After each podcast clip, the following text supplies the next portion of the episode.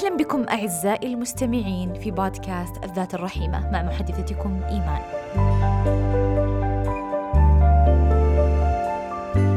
هدف هذا البودكاست هو أن يكون لمسة حانية لكل ذات تعاني، وأن يكون مصباح من نور يحتضن الخطى برفق في دروب الحياة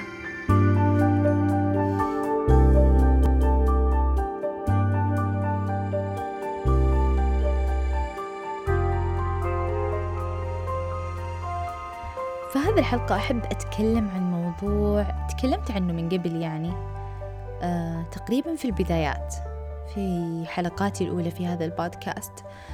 ولكن بحكم آه التجربة الحديثة آه وبحكم نزولي للميدان يعني بشكل فعلي بشكل كبير آه وجدت يعني ضرورة ضرورة الحديث عن هذا الموضوع. اللي هو تقبل فكرة آه العلاج النفسي أو الجلسات أو الاستشارات النفسية يعني أيا كان المسمى. لازلت ألاحظ ولا زالت تجيني الكثير من الحالات اللي تحاول طبعا أنها تتخبى عن أهلها علشان لا يدرون آه أو إنها يعني أصلا يعني هي مستحية آه ومتحرجة يعني إنها هي محتاجة مثلا لحبوب معينة أو أمر معين في العلاج. ولما كذا أحفر في الموضوع ألاقي إنه السبب في الحقيقة هي هذه التصورات الخاطئة اللي مو شرط إنها تجي من الناس اللي حولنا بس أحيانا تكون هي مثل الصوت كذا الضمني الصوت الداخلي اللي فينا. آه إنه إنه يعني أنا معناته فيني خلل أنا فيني عيب آه أنا فيني شيء سيء. لو أنا قبلت إني مثلا آخذ حبوب للاكتئاب أو آخذ آه أو إني حتى أروح أجلس جلسات أو أتكلم مع إنسان ما أعرف ولا يعرفني. ويعني إنسان أي أي إنسان تحت مظلة الاستشارات النفسية آه نجد إنه في نفور عالي. من هذا الإنسان أو أو حتى يعني من فكرة إني أعرض مشكلتي أو أتحدث معاه. لأنه هذا الشيء على طول بيخليني زي ما قلت بطريقة يعني بطريقة أحيانا لا واعية بيخليني أشعر بمشاعر يمكن سلبية تجاه تجربتي حياتي تجاه نفسي. رغم اليقين أحيانا والمعرفة التامة إنه لا أنا فعلا أحتاج مساعدة. وأنا ما أقدر أتخطى هذه المرحلة من حياتي بدون ما أحصل على المساعدة المطلوبة. وبس مع كذا نجد كمان إيش في فكرة المقاومة الداخلية. إنه لا مش معقول أنا أروح وأجلس جلسات نفسية. لا مستحيل إني أنا أضطر إني أعتمد على العلاج حتى ولو فترة قصيرة. طبعا هذا بلا شك يرجع سببه الأول والأساسي إلى فكرة كيف نحن أصلا ننظر للتعب النفسي الضغوطات النفسية التوترات النفسية؟ هل ننظر لها على أنها جزء لا يتجزأ من تجربتنا البشرية من تجربتنا الإنسانية؟ آه، من فطرتنا اللي رب العالمين يعني خلقنا آه، عليها وفيها؟ أو نرى هذه الأمور على أساس إنها خلل وعيب ونقص ومفروض إني استره ومفروض إني أخبيه آه ومفروض إنه يعني ما أحد يعرفه عني لأنه بطريقة أوتوماتيكية حيجعلني شخص غير جيد أو شخص غير كفؤ. ممكن غير كفؤ للعلاقات غير كفؤ للأمومة غير كفؤ للزوجية وأيا كانت آه هذه الأفكار أو الشعارات اللي نحن نقولها لأنفسنا. وبس دائما أحب أطرح هذا السؤال. آه هل لو أصيب الإنسان تمام بوعكة صحية يعني قاصمة وقوية جدا تمام هل بيرفض إنه يروح عند طبيب علشان يعالجه ويعطيه الدواء المناسب؟ آه أو إنه حتى على الأقل يعمل الفحوصات المطلوبة؟ في الأصل لا. ما راح يرفض هذا الفرصة. أي شخص راح أول شيء يسويه يفكر إنه أصلا يزور طبيب إنه يروح يستشير إنه يروح يعرض حالته على أحد. ممكن يقدم له بعض الإجابات علشان يفهم آه يمكن سر الوعكة الصحية إيش هي بالضبط كيف تتعالج. آم ممكن حتى لما نجي نفكر على صعيد أحيانا يعني مثلا انكسرت يدي. آه صار حادث مثلا لا قدر الله من أي نوع وصار عندي خلل معين واحتجت لعلاج طبيعي. فهذه الحالات الأصل إن إحنا ما نتردد. إذا السؤال حينما تصاب النفس بكدمات وجروح معينة وتعب من سواء حياتنا في الماضي أو حياتنا في الحاضر لماذا نقاوم فكرة الاستعانة بعد الله بأحد مختص يشخص لي مكان الألم هذا يقدم لي التوصيات المناسبة. أقلها أقلها يسمع ألمي آه وينظر له بطريقة خارج عن سياقي أنا خارج عن تجربتي أنا. لأنه الإنسان لما يكون فقط في سياقه آه وداخل حياته وتصوراته وتوقعاته تأكدوا مئة بالمئة إنه التجربة تكون ناقصة.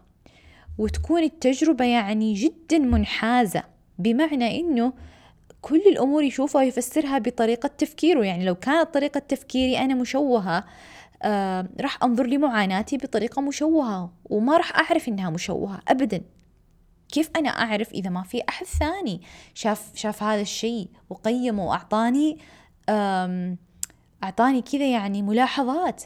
على طريقة تفكيري هذه وكيف أنا قاعدة أتعامل مع الظروف الحالية. أحب أشبه أحيانا معاناة الإنسان لما يكون كذا غارق فيها. آه مثل الإنسان اللي خلينا نقول جالس يمشي في وادي وطويل الوادي هذا ومتشعب.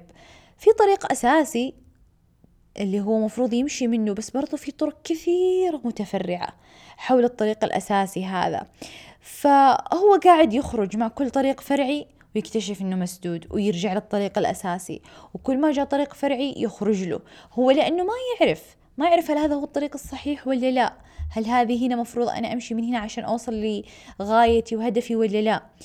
بينما لو في شخص من فوق شاف هذا الإنسان خلينا نقول لو إنه هذا الإنسان ذاته بلاش نقول شخص ثاني لو إنه هذا الإنسان ذاته قرر إنه يطلع ويتسلق على قمة الجبل المقابلة للوادي هذا وقاعد يطالع ويشوف الطريق فين. راح يشوف الطريق الرئيسي وراح يشوف طريقه الصحيح اللي المفروض يمشيه وراح يشوف كل التفرعات اللي عمره ما حيشوفها لو بقى تحت. باختصار هذا المثل أحب أستخدمه عشان أفكر في كيف لما الإنسان يكون غارق في معاناته وفي تجربته الشخصية والفردية يحس إنه ما في حل يحس إنه الطريق مسدود يحس إنه الدنيا كلها راح تكون زي كذا. ما في حقيقة ثانية لأنه فعلا هذا كل شيء هو قاعد يشوفه قدامه. فأي أحد يجي يقول يقول لا غير صحيح كلامك. ما في إلا هذا المعطيات. لكن لما يجي شخص مختلف ويطلع من فوق ويشوف كذا حياتك ويعطيك نظرة مختلفة عمرك ما شفتها عمرك ما فكرت فيها يعني تبدأ تستوعب إنه لا في طرق ثانية لا في أمور ثانية لا في طريقة تفكير لا في حلول ثانية. فهذا يخلينا يمكن يعني نتحمل آه الديسكمفورت أو عدم الراحة اللي تجي نتيجة لجلوسنا مع شخص كذا غريب مختص ونتحدث معه عن آلامنا ونتحدث معه عن تجاربنا القاسية اللي مرينا فيها. آه هي مهمة مي بسهلة. هي مهمة صعبة ولا ما كان أصلا في نفور شديد وعالي منها فهي مهمة صعبة.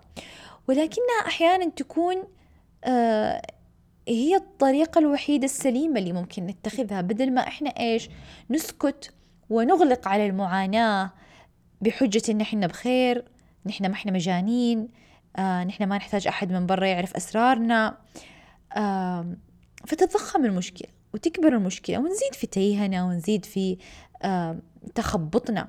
في كثير من الشباب الواعي في الجيل هذا اللي قاعدين يحاولون إنهم يعني يطرقون كل الأبواب ويجربون كل المصادر اللي حولهم ممكن تساعدهم وتدعمهم.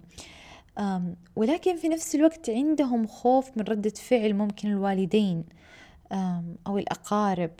فنلاقيهم يخبون يعني يخبون تواصلهم يخبون زياراتهم للأخصائيين النفسيين.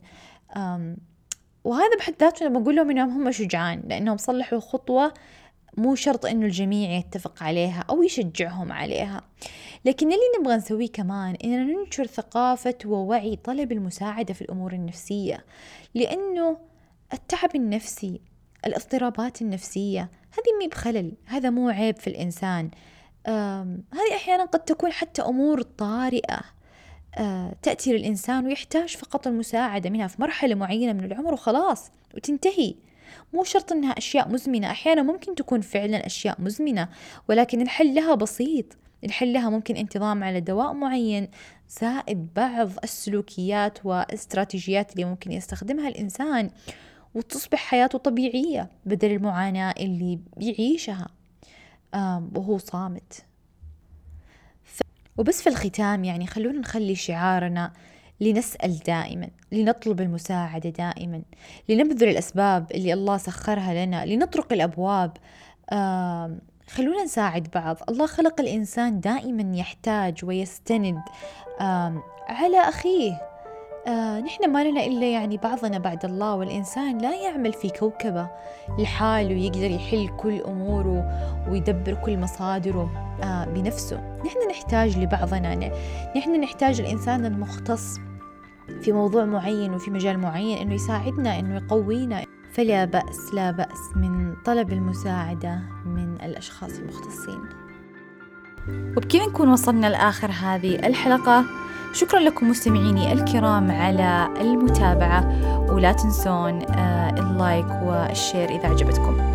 أحب كمان أذكركم أني أنا أرحب في أسئلتكم استفساراتكم واقتراحاتكم سواء على إيميل البرنامج أو على صفحتي في تويتر. وكونوا بخير وسكينة وسلام. إلى لقاء آخر إن شاء الله.